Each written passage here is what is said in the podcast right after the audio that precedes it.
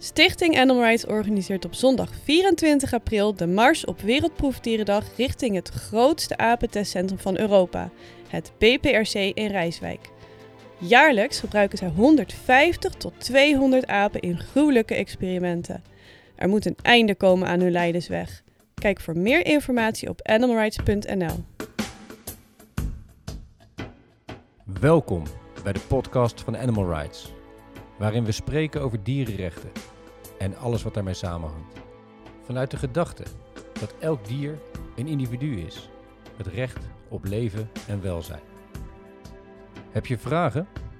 Stuur ze naar media.animalrights.nl en abonneer je op deze podcast. Vandaag zijn we op.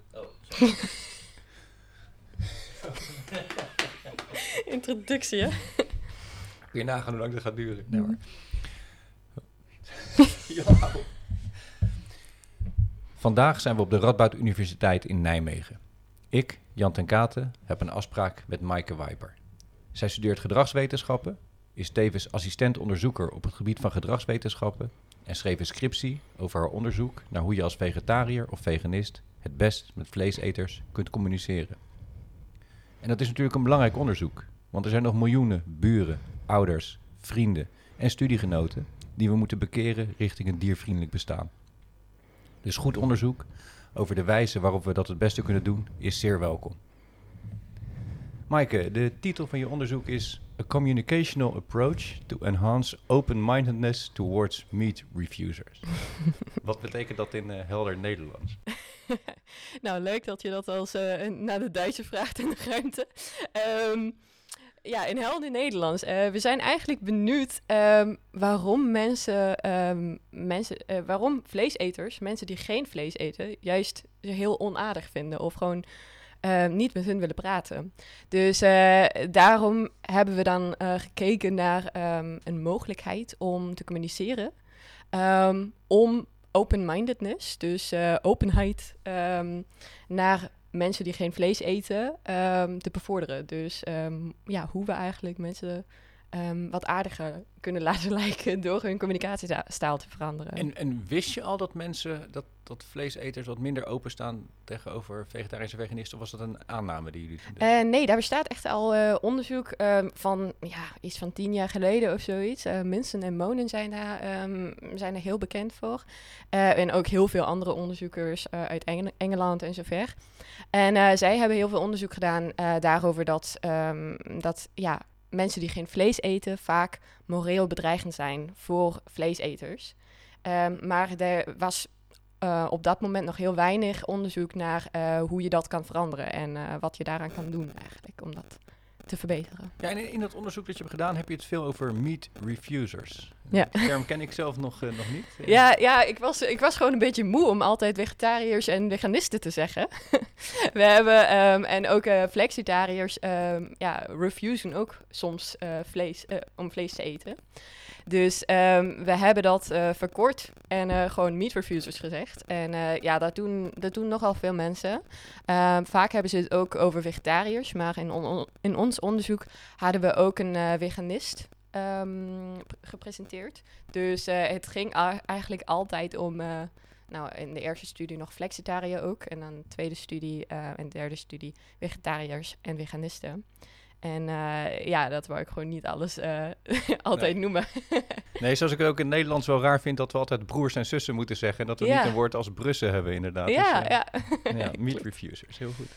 Wat waren je belangrijkste bevindingen in het onderzoek? Nou, um, in, eerst hebben we natuurlijk um, nog een keer gekeken of het echt klopt dat mensen mensen die geen vlees eten niet leuk vinden. Uh, dus dat onderzoek wat ik net al noemde, dat hebben we nog een keer gerepliceerd. Dus we hebben gekeken um, uh, en we hebben ook gevonden dat uh, mensen een soort van morele bedreiging ervaren door die mensen die geen vlees eten. En dat ze die mensen daardoor ook minder leuk vinden. Dus we hebben dan um, bijvoorbeeld gevonden dat mensen vegetariërs en veganisten minder leuk vinden dan bijvoorbeeld flexitariërs die soms wel nog vlees eten.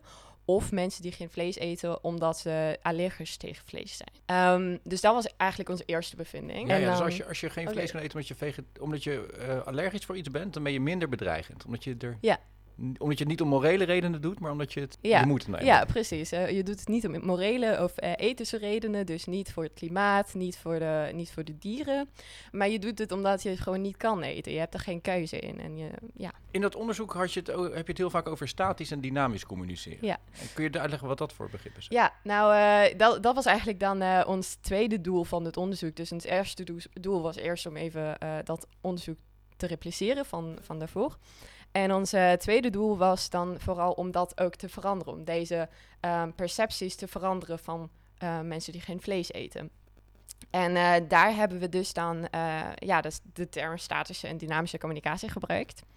En we hebben daar vooral ehm, dat gebaseerd op eerder onderzoek wat vond dat mensen die geen vlees eten, worden vaker als bijvoorbeeld dogmatisch of judgmental en ja, gezien. Daar hebben we dus dan eigenlijk aangezet en hebben dan ehm, gekeken, oké, hoe kunnen we dit met communicatiestijl veranderen?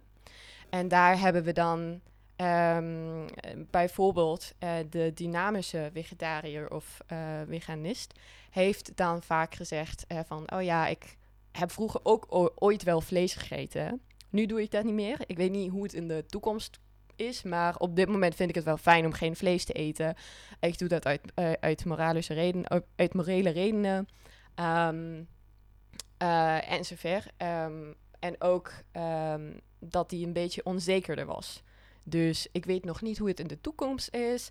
Soms is het ook wel een beetje moeilijk voor mij. Ik eh, wil ook graag naar het, naar het of zo. Wil ik ook graag ja, een broodje shawarma of eh, ik weet niet wat. eh. De erwtensoep van je oma. Ja, precies, precies. wil ik ook wel eten. Eh, maar ehm, eh, op dit moment doe ik dat gewoon niet. En eh, dat voelt ook wel fijn, maar soms is het moeilijk. Dus dat was ja, één ding van, eh, van de dynamische communicatiestijl ehm, die we hadden aangepast. Oké, dus dynamisch, dat is dan, dan ben je niet heel erg zeker van je zaak. Ik zou niet zeggen dat je, dat je niet zeker van je zaak bent. Want je bent wel zeker dat het beter is voor de, voor de dieren. En je bent ook zeker dat het, be- dat het beter is voor het klimaat. Maar je merkt ook wel op van, oh ja, daar zijn ook wel moeilijkheden. En het is moeilijk om de overstap te maken. Je wordt, of de meeste mensen worden niet eh, overnacht eh, veganist. Dus eh, dat herkent hij. En dan gaat hij dat ook benoemen. Want ehm, de vleeseter, die, die kan het heel vaak niet zien. Van, oh ja, hoe dan dat ik morgen opeens veganist ben? Dat gaat gewoon niet gebeuren. En daarom herkent hij dat. En gaat dan zeg maar die vleeseter bij de, hand, bij de hand nemen en meetrekken in de richting van... Hey, En de andere kant is dat statische communiceren. En hoe gaat dat? het statische communi- communiceren is dus eigenlijk dat wat ehm, de maatschappij vaak ziet bij vegetariërs en veganisten vooral. Dus eh, de stereotypes tegenover vegetariërs en veganisten, die hebben we daarbij eigenlijk meegenomen. Dus we hebben ehm, die persoon laten ehm, communiceren als dog- dogmatisch en als, eh, ja, toen ik een, keer wist dat het slecht voor de, voor de dieren was, toen heb ik gewoon gestopt. Toen ben ik gewoon gestopt. We hebben niet eh, ehm, gezegd dat het een geleidelijk overgang was, zeg maar. Terwijl dat misschien ehm, zo was, zelfs voor die status communicerende eh, vegetariër. Maar eh, dat hebben we gewoon niet genoemd. We hebben gewoon gezegd van, oh ja, toen ik het één keer wist, nou, nu eet ik geen vlees meer. En dat zal ook niet veranderen, denk ik. Dus eh, ja, dat was vooral het verschil. Ja, en ik moet eerlijk zeggen eh, dat ik dat ook wel veel om me heen zie. Als ik kijk naar veganisten, de dierenrechtenbeweging. Mensen Ja. zijn vaak vrij stellig daarin. Nee, je moet gewoon stoppen met dieren eten. Ja, dat klopt. En eh, ja, op die manier hebben wij dus eigenlijk gevonden dat je dan mensen vaak verschrikt van, oh ja, oeh, ehm, als ik nu overnacht zeg maar geen vlees meer mag eten, dan ga ik gewoon niet daarmee beginnen. Dan ga ik gewoon eh, ja, niet meer naar je luisteren en eh, ik... eh, hoe zeg je dat? En ze gaan een beetje een defensief misschien. ja, precies, precies. Ze worden Ja. defensief en ze, ze kunnen gewoon niet ehm, begrijpen hoe je zo snel kan veranderen. Wat dus het stereotype van de veganist eh, dus eigenlijk van hun vordert. Ja. Ben je zelf eigenlijk anders gaan communiceren nu je dit weet? Ook op andere gebieden? Ehm, ik heb zelf, eh, ja, dat onderzoek heb ik gedaan toen ik zeg maar nog steeds onderweg was. Eh, ik was toen wel veganist, maar eigenlijk was sinds kort. En ehm, ik had dus daarom al ja, heel veel ehm, daarover nagedacht. Hoe je kan communiceren. En dan eh, hebben we de, zeg maar die statische en dynamische communicatiestijl ontwikkeld. En dan eh, ja, heb ik natuurlijk een paar dingen ook toegepast en ook een paar dingen uh, uitgeprobeerd. maar ja, het was eigenlijk ehm, ja, een ontwikkeling voor mezelf ook.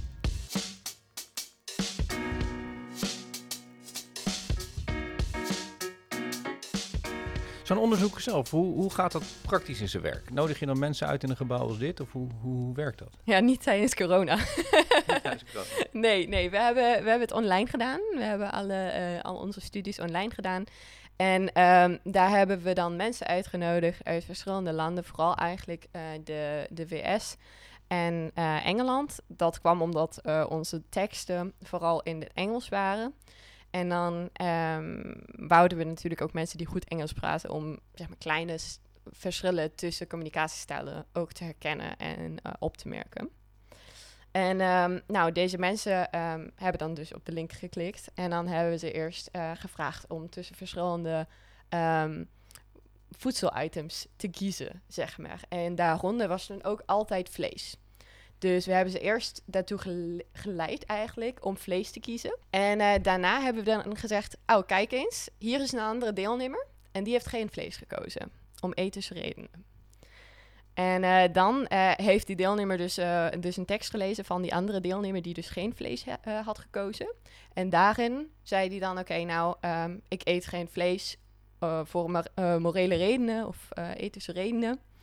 En ja, nou, dan uh, komt dan die verschillende communicatiestijl aan bod. Dus uh, ik, ik doe dat al super lang niet meer. Toen ik het één keer wist, heb ik het, uh, ben ik meteen gestopt met vlees eten. Of ehm, toen ik het één keer wist, ja, dan ben ik geleidelijk gaan stoppen met vlees eten. Oh, Oké, dus je, je dwingt eerst mensen te kiezen voor vlees. Daarmee zet je hen in een soort positie. Ja. En daarna vraag je om anderen te beoordelen die geen ja, vlees eten. Ja, dat klopt. Want heel vaak is het eigenlijk dat... Um, dat mensen vegetariërs en veganisten dus eigenlijk heel leuk vinden. Uh, mensen denken, oh, wat, wat een goede keuze. Kijk eens, ze zijn heel ethisch bezig. En uh, nou, dat is, dat is super, uh, daar kijk ik naar uit, zeg maar. Dat, dat, dat vind ik goed dat ze dat doen. En, maar zodra je dan met vegetariërs en veganisten in gesprek gaat, keert het eigenlijk om. Want uh, dan, bijvoorbeeld, deze gesprekken ontstaan heel vaak aan de avondetentafel. En dan uh, zit je daar en uh, dan, dan hebben sommige mensen kiezen gewoon om vlees op een bord te scheppen, zeg maar. En de vegetariër zit aan en dan doet hij misschien alleen aardappelen en een vleesvervanger of zo. En dan ontstaat het gesprek van, eet je geen vlees? En dan, dan Uh, dat is dus eigenlijk de situatie die we wouden bereiken, maar dan in een online setting. Dus uh, ja, dat, dat was een beetje moeilijker.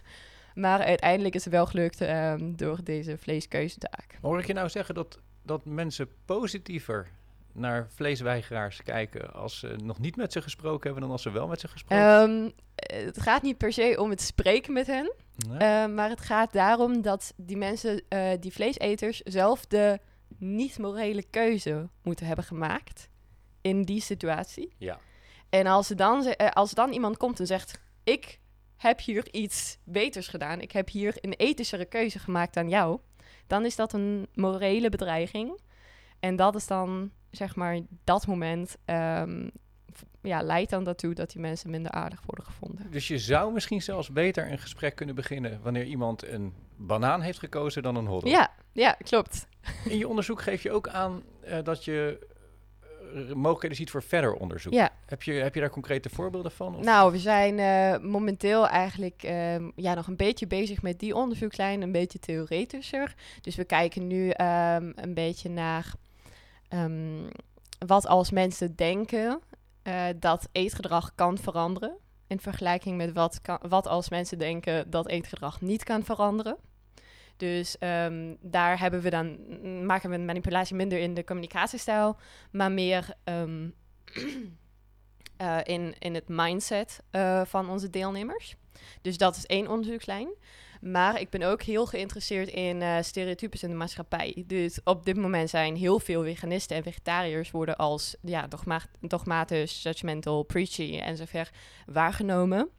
En eh, ik vind het dus eigenlijk interessant ehm, wat er in de komende jaren gaat gebeuren. Wat, ehm, wat als mensen of als organisaties een dynamischere communicatiestijl kiezen, ehm, gaan dan echt de mensen, eh, of ja, gaan dan deze stereotypes veranderen in de maatschappij over vegetariërs en over veganisten? Ja, interessant. Ik zit nu gelijk even te denken aan, aan grote bedrijven die bijvoorbeeld vleesvervangers op de markt zetten. Die Ja. zijn helemaal niet dogmatisch inderdaad. Die Nee. zijn van neem eens een dagje, Ja. kies eens een keer. Ja, precies. Die eh, Meat Free Monday of zoiets. Dat, eh, Ja. ja, dat is eh, vaak zeg maar de beg- het begin van hoe mensen beginnen om vegetarisch te eten. Of, ja, of pla- meer plantaardig te eten. ja, en dat is verre van dogmatisch. Ja, Dat, en het ja, gaat dus eigenlijk niet daarom dat één of twee mensen, zeg maar, nu hebben we onderzocht hoe twee mensen communiceren met elkaar. En dat is natuurlijk leuk als je dan met je, met je broertje kan communiceren over ehm, dat je zelf vegetariër bent. En ehm, ja, dat je, dat je, nou, je broertje zal vast wel weten, maar je, buren misschien niet dat je, dat je ook tussendoor wel eh, vlees hebt gegeten of tussendoor wel eh, dat moeilijk vindt. Maar in die één à één communicatie, zeg maar, daar ga je dan misschien één mens bereiken en die gaat dan weer een- één, één iemand anders bereiken. Maar uiteindelijk gaat het daarom dat veel meer mensen minder vlees eten. Het hoeft niet per se dat iedereen overnacht veganist wordt. Maar eh, het gaat daarom dat eh, over het algemeen in de maatschappij minder vlees wordt gegeten. En daar gaat het dan natuurlijk minder om de één à één communicatie, maar ook veel over de communicatie met heel veel mensen.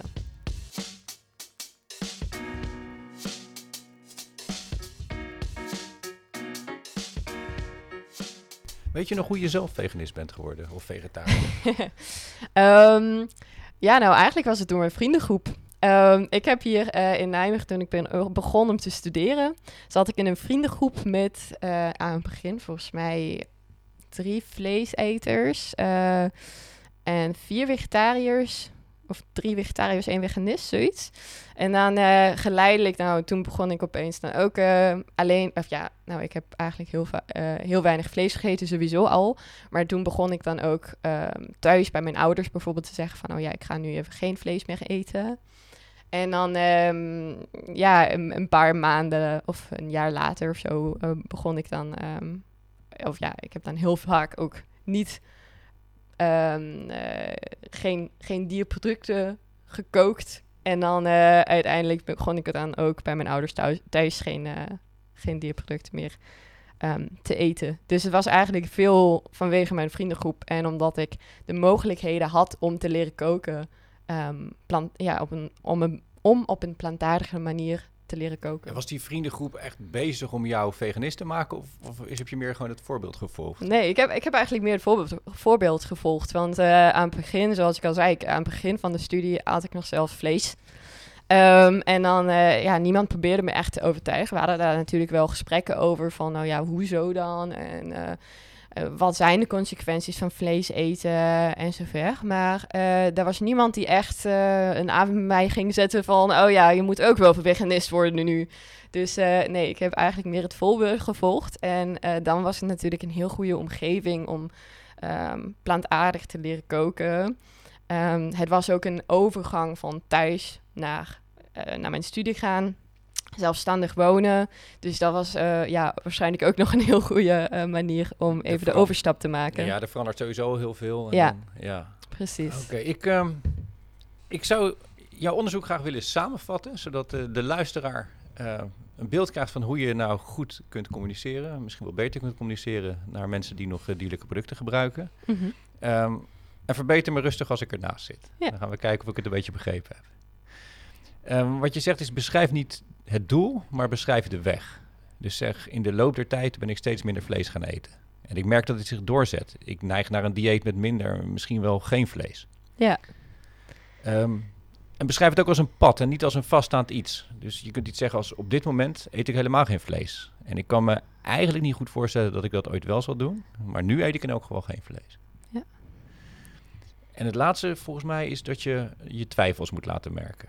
Eh, dat je bijvoorbeeld zegt, het is echt niet altijd makkelijk. Eh, nog steeds eh, mis ik het eten bij mijn oma, het aanschuiven bij het kerstdiner. Broodje shawarma na het uitgaan, dat was een belangrijke inderdaad die je ook al noemde. Ehm, maar toch voelt het voor mij het beste om geen vlees te eten. Ja. Dus die kwetsbaarheid, die twijfel, die... die Ja, herkennen, maar dan meteen ook zeggen van... hé, hey, kijk, ehm, laten we eens samen koken. En dan kan je zien van hoeveel mogelijkheden er eigenlijk zijn... ehm, om plantaardig te gaan eten. Dus eh, ik, ik merk ook wel... eh, of ja, dat vleeseters hebben vaak hun twijfels. En ehm, dan kan je dat ook herkennen en zeggen van... oké, ik herken dat wel... en ik heb daar ook soms moeilijkheden mee... Maar kijk eens hoeveel mogelijkheden we eigenlijk hebben om plantaardig te eten. Laten we eens samen koken. Laten we eens samen een- kerstdiner maken. Die helemaal veganistisch is. Dus daar zijn zoveel mogelijkheden. Ehm, die heel veel vleeseters helemaal niet eh, kennen. Nee, wel een goed punt dat je hebt. Die, veel vleeseters twijfelen natuurlijk zelf ook wel eens over hun eigen keuze. Ja. En of ze misschien niet minder vlees of helemaal geen vlees zouden moeten eten. Ja. Is heel handig om daarop aan te sluiten dan. Ja.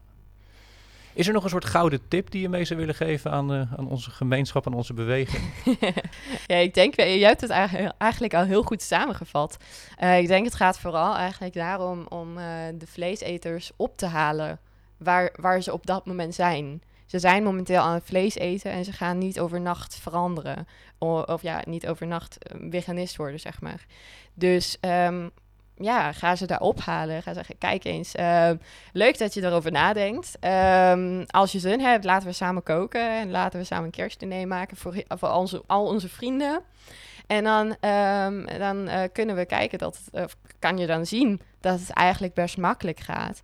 En eh, dan heb je een soort van geleidelijke overgang eh, naar een meer plantaardig leven en eetgedrag. Dus ehm, ja, dat, dat een beetje. De, de vleeseter bij de hand nemen en meetrekken in, in een meer plantaardige, plantaardige richting.